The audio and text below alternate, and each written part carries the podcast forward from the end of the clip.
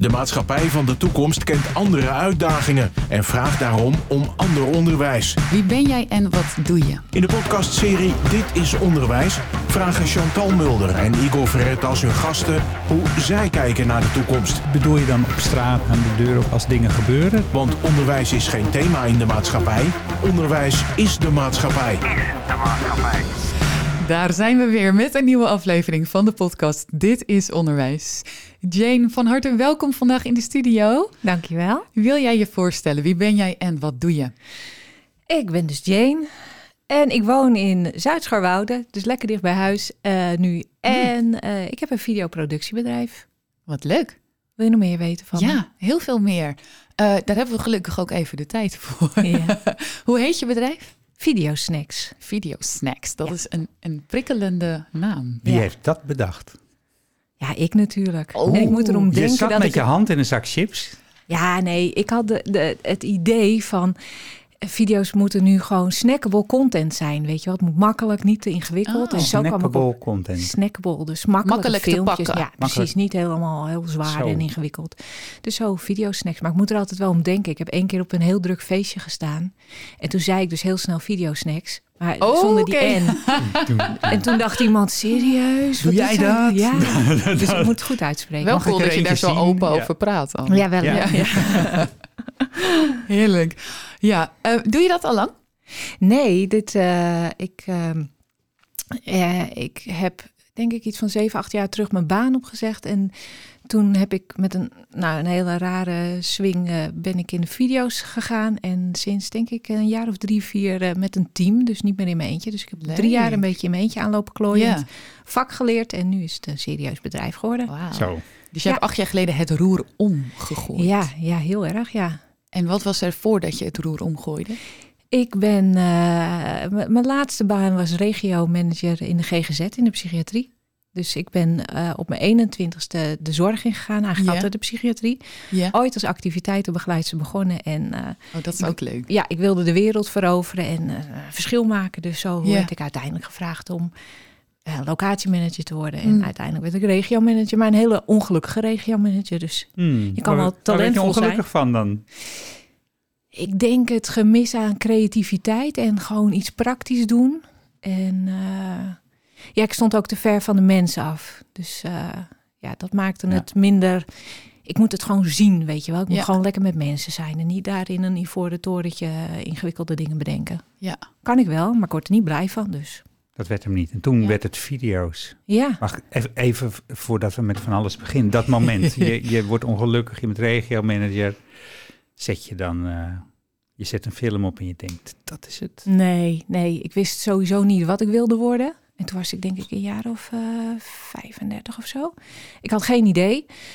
Ehm, eh, en toen moest ik, toen, toen ben ik een ander bedrijfje gestart. Iets met mensen, want dat was logisch natuurlijk. Maar ik dacht wel, ja, ik, ik doe maar iets, ik ga dat maar doen. Trainingen geven. En toen moest ik voor een groep ondernemers een presentatie houden. Ah. En eh, toen dacht ik, ja, ik, en het was wel grappig, want ik was eerst natuurlijk de, de grote baas. Hè. Ik had 14 vestigingen, stuurde ik aan. En toen was ik, werd ik ondernemer. En toen Ja. voelde ik me echt de stagiaire in mijn eigen bedrijf. Dat Ja. met alles dacht ik, en wat is nu de bedoeling? En wat Snap moet ik doen? En ja. moet ik daarheen? Dus ik was zo onzeker ondertussen, dat ik dacht, ja, dan moet ik zo'n presentatie geven. En dan ben ik bloedzenuwachtig voor. Dan steek ik uren in en dan is het met 10 minuten voorbij. Kan ik dat niet slimmer doen? En zo ben ik een videootje gaan maken. En toen dacht ik, super simpel. Ik druk op play, ik druk op stop. Het Geniaal. Klaar. Dus jij stond met je arm over elkaar Ja. naast de video. Ja. Je zegt, nou, nog vragen. Ja, Hebben- precies. Nou, zo ging het. En toen, die, die zette ik ook op social media. Daar kreeg ik heel veel leuke reacties op. En nou, toen vroeg een andere ondernemer van... kan je niet voor mij eh, zo'n video maken? En ik had echt helemaal geen flikker te doen in het bedrijf. dus ik dacht, ja, doe maar. En ik heb wel een uurtje over. Ja, dat ja, ik deed helemaal niks. Nou ja, zo ging het van het... En toen zei iemand van, waarom ga je niet hier iets mee Ja. doen? En toen dacht ik, het is wel heel gek. Want je, bent, je gaat ook geen restaurant beginnen als je lekker kan koken. Maar het ging ook niet uit mijn hoofd. Dus op een woensdagmiddag dacht ik, fuck it, ik ga het doen. Nou ja. En zo eh, is het uiteindelijk ook nog, eh, gaat het hartstikke goed. Ja, precies. Nu zijn we acht jaar later en nu ben je met een team van mensen. ja, ja. Heb je Ja. een hele videosnackbar of zo?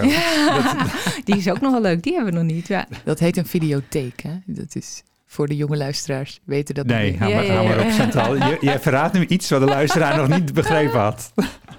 Goed.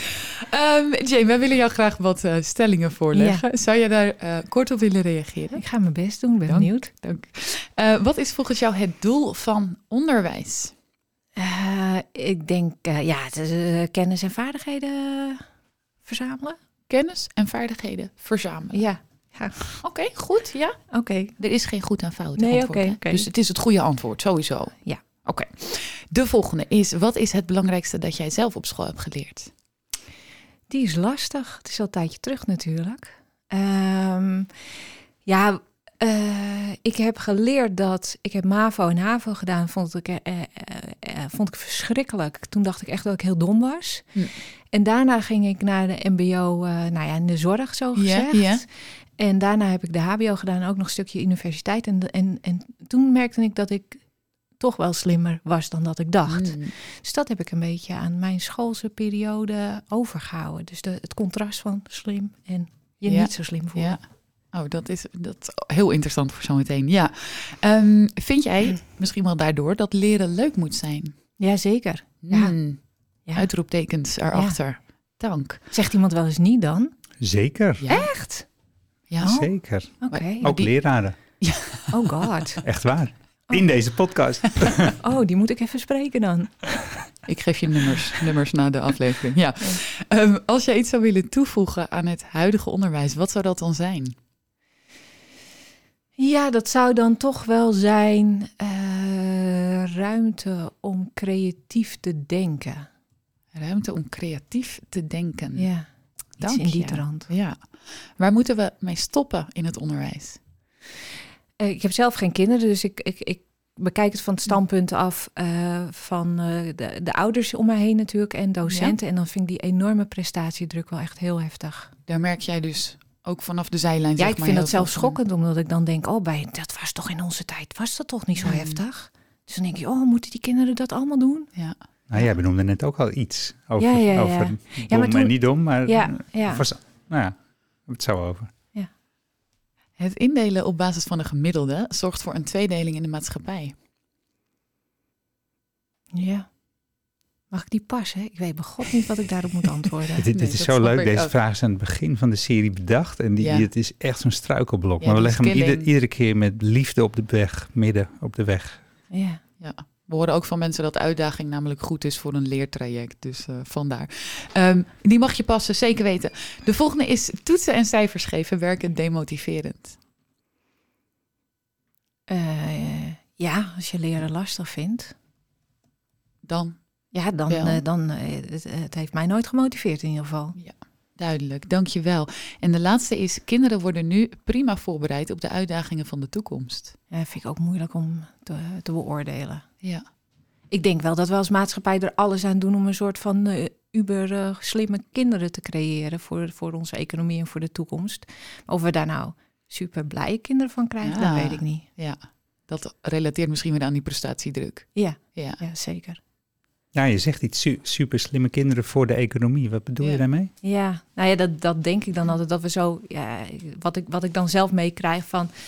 We zijn zo bezig om onze kinderen allemaal hoog op te leiden, zodat we in de toekomst eh, nou, nog steeds zo'n sterke economie kunnen hebben. Dus ja, daar hebben we. En dat is, dat is natuurlijk, want ja, nu schreeuwen we natuurlijk aan om mensen die gewoon praktisch opgeleid zijn. Ja. ja. Maar voor mijn gevoel zit zo heel erg dat aan de, de, de je moet slim zijn. Aan, dat we Ja, daar zo. heel erg op investeren, van hoge ja. cijfers en En je moet een slimme consument worden. Misschien. ja. En dan de economie spekken. En dus je, hij zegt dat eigenlijk vanuit het doel van onderwijs is eigenlijk consumenten creëren voor de economie. Met kennis en Ja, vaardigheden. nee, is meer- dat het? Ja, meer werknemers of zo. Ja, misschien Ja. is dat mijn perspectief. Dat we Ja. allemaal hele slimme mensen nodig hebben om eh, de, banen te vervullen in de toekomst. Ja, dat klinkt niet als dat, je, dat het over mensen gaat, maar meer Ja. over een soort soort machinefabriek. Nou, ja, dat, dat is die- wel een beetje zoals ik dan naar scholen kijk. En, nou, maar dat is nogmaals, hè, ik, ik, ik, ik hoor het van de ouders die zich zo'n zorgen maken. En Ja. de kinderen die zo overbelast thuis zitten met zoveel huiswerk. Ja, misschien heb ik het geblokt in mijn hoofd. Dat, dat ik dat gewoon niet meer kan herinneren. Dat, dat wij ook zoveel zaten te leren. En zoveel toetsen. En zoveel tussentijdse metingen van hoe slim je bent. Zo interpreteer ik dat hè, als Ja. eh, buitenstaander. Nou, we, we vinden het juist leuk binnen dit is onderwijs om een blik van buiten naar het onderwijs, op het onderwijs te Mhm. krijgen. Juist om te leren en, en eh, waar nodig te veranderen. Mhm. Zeker weten, ja. En ik denk zeker mensen die ondernemer zijn, hè, die hebben toch een, die doen het heel vaak zelf. Die Ja. ontdekken zelf, die leren dus heel veel zelf. Mhm. Daar had je het net zelf ook al een beetje over. Uh, dus wie kan er beter over leren praten Ja. dan een ondernemer? Ja, ik weet het niet. Ja.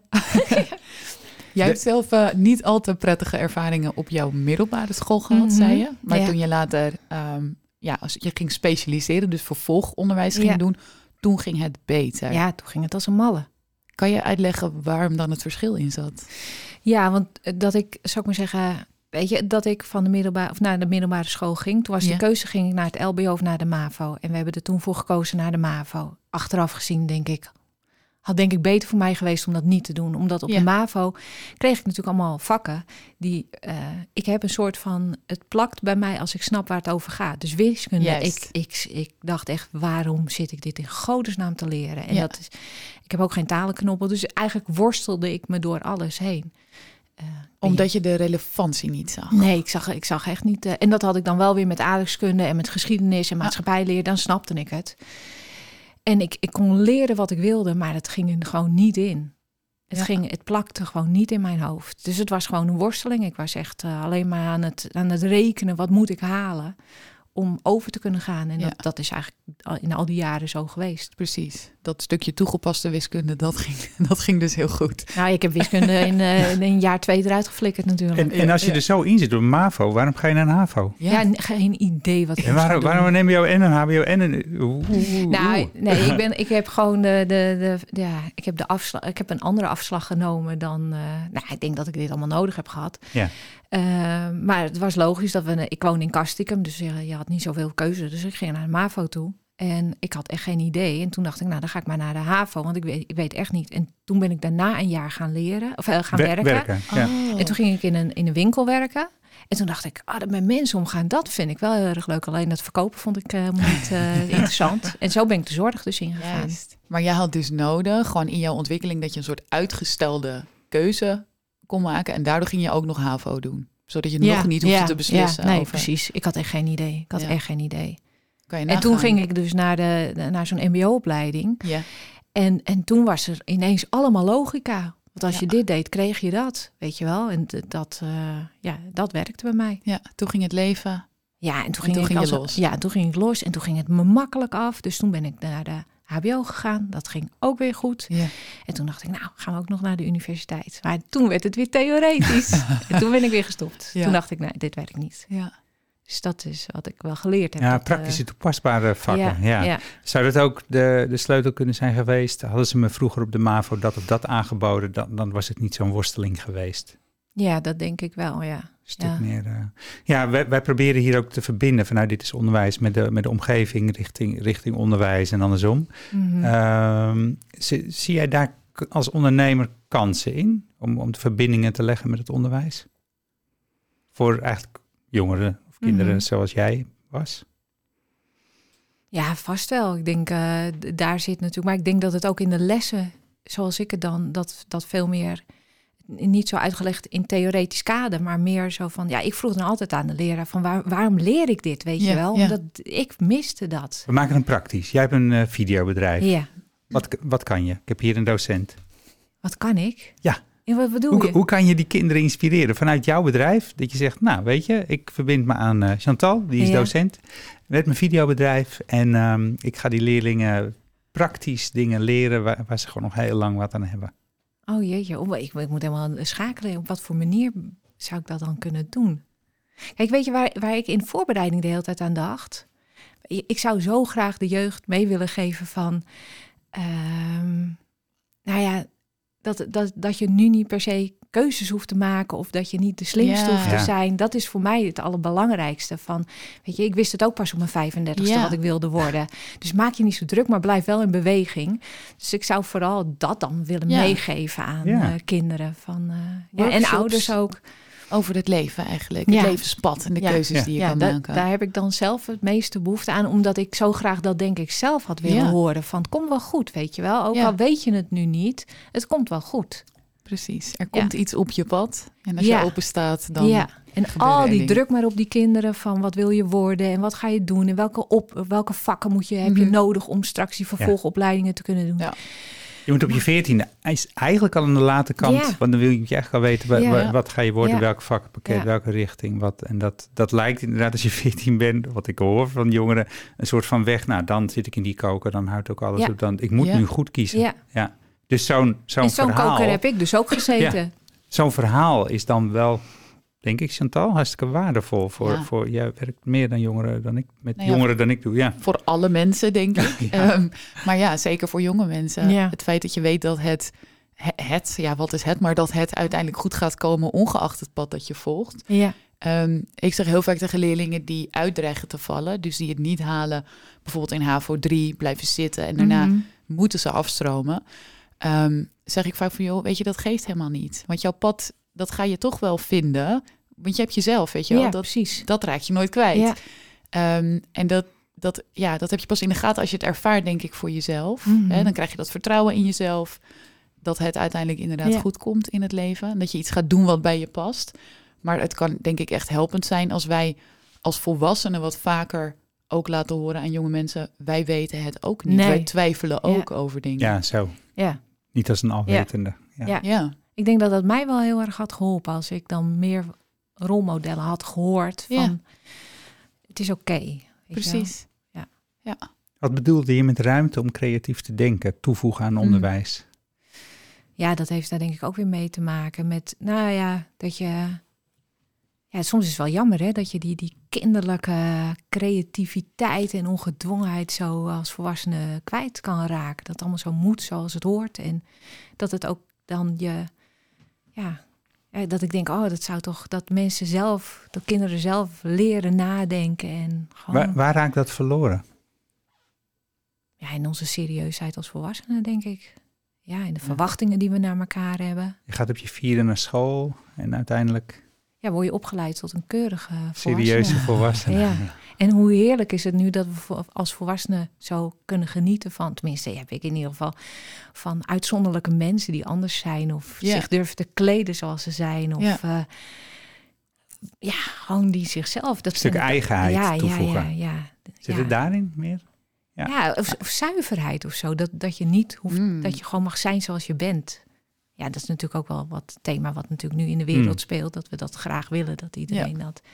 Nou, en ik denk dat als we meer, de kinderen meer ruimte geven om creatiever eh, te mogen denken en, en zelf oplossingen bedenken, dat dat. eh, Wat gebeurt er dan? Stel, we gaan een hele generatie nu twintig jaar lang op die manier. Wat wat zou je voor wereld krijgen?